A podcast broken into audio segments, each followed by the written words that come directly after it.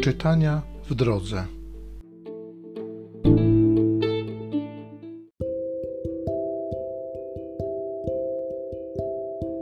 Z dziejów apostolskich.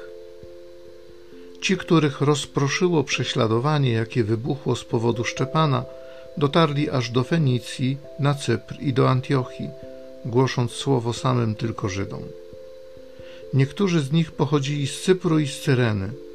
Oni to po przybyciu do Antiochii przemawiali też do Greków i głosili dobrą nowinę o Panu Jezusie. A ręka Pańska była z nimi, bo wielka liczba uwierzyła i nawróciła się do Pana. Wieść o tym doszła do uszu Kościoła w Jeruzalem. Wysłano do Antiochii Barnabę. Gdy on przybył i zobaczył działanie łaski Bożej, ucieszył się i zachęcał wszystkich, aby całym sercem wytrwali przy Panu. Był bowiem człowiekiem dobrym i pełnym Ducha Świętego i wiary. Pozyskano wtedy wielką liczbę wiernych dla Pana. Barnaba udał się też do Tarsu, aby odszukać Szawła, a kiedy go znalazł, przyprowadził do Antiochii i przez cały rok pracowali razem w kościele, nauczając wielką rzeszę ludzi.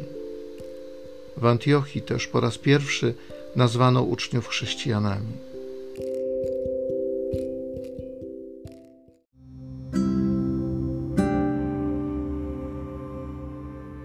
Z Psalmu 87. Wszystkie narody, wysławiajcie Pana. Gród Jego wznosi się na świętych górach.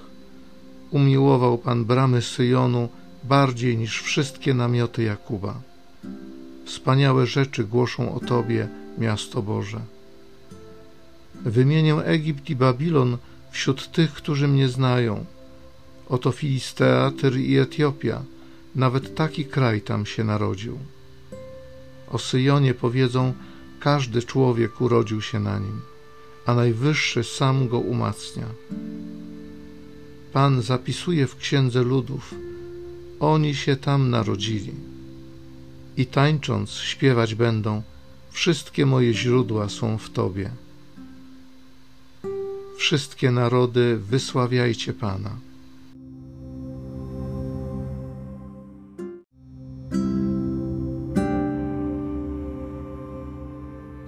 Moje owce słuchają mego głosu. Ja znam je, a one idą za mną.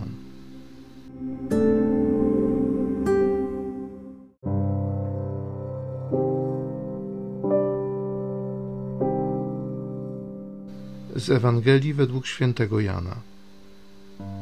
Obchodzono w Jerozolimie uroczystość poświęcenia świątyni. Było to w zimie. Jezus przechadzał się w świątyni w portyku Salomona.